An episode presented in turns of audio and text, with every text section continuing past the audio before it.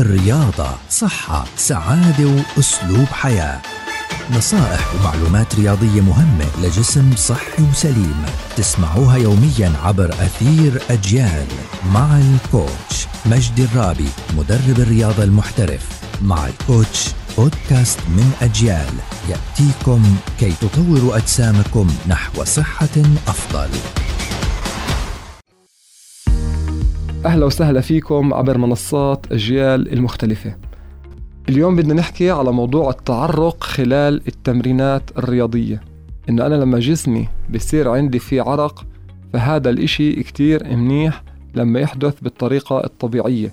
يعني أنا لما عمالي بكون بمارس تمارين رياضة وبحس عمالي جسمي بلش يتعرق فأنا بكون عمالي عندي عمالي بستفيد وهي برضه إشارة من الجسم إنه هو عماله بتزيد عنده فيه الحرارة فهو عماله بيخرج العرق وبيخرج من خلاله الفضلات والسموم والأملاح اللي موجودة عندي في الجسم فهذا إشي جدا صحي وجدا بدي أحاول دائما أوصله من خلال ممارسة التمارين الرياضية وليس من خلال وسائل أخرى زي اللي حكينا عنهم اللي هم مثلا ممكن الساونا أو الملابس الرياضية الزائدة. لا فإحنا هاي الأمور بدنا نبعد عنها ونركز على إنه التعرق يكون من خلال التمارين الرياضية نفسها اللي بترفع عندي درجة حرارة الجسم وبتحرك عندي دائما الأعضاء الداخلية وبتزيد عندي نبض القلب اللي بيؤدي لهذا التعرق بالطريقة الصحيحة 100% بدي أتجنب دائما ألبس ملابس غير ملائمة للتعرق اللي بصير عندي في جسمي وبنحاول دائما نلبس ملابس رياضية صحيحة ملائمة ومناسبة لهذا التعرق أو التمارين الرياضية اللي أنا عمالي بعملها.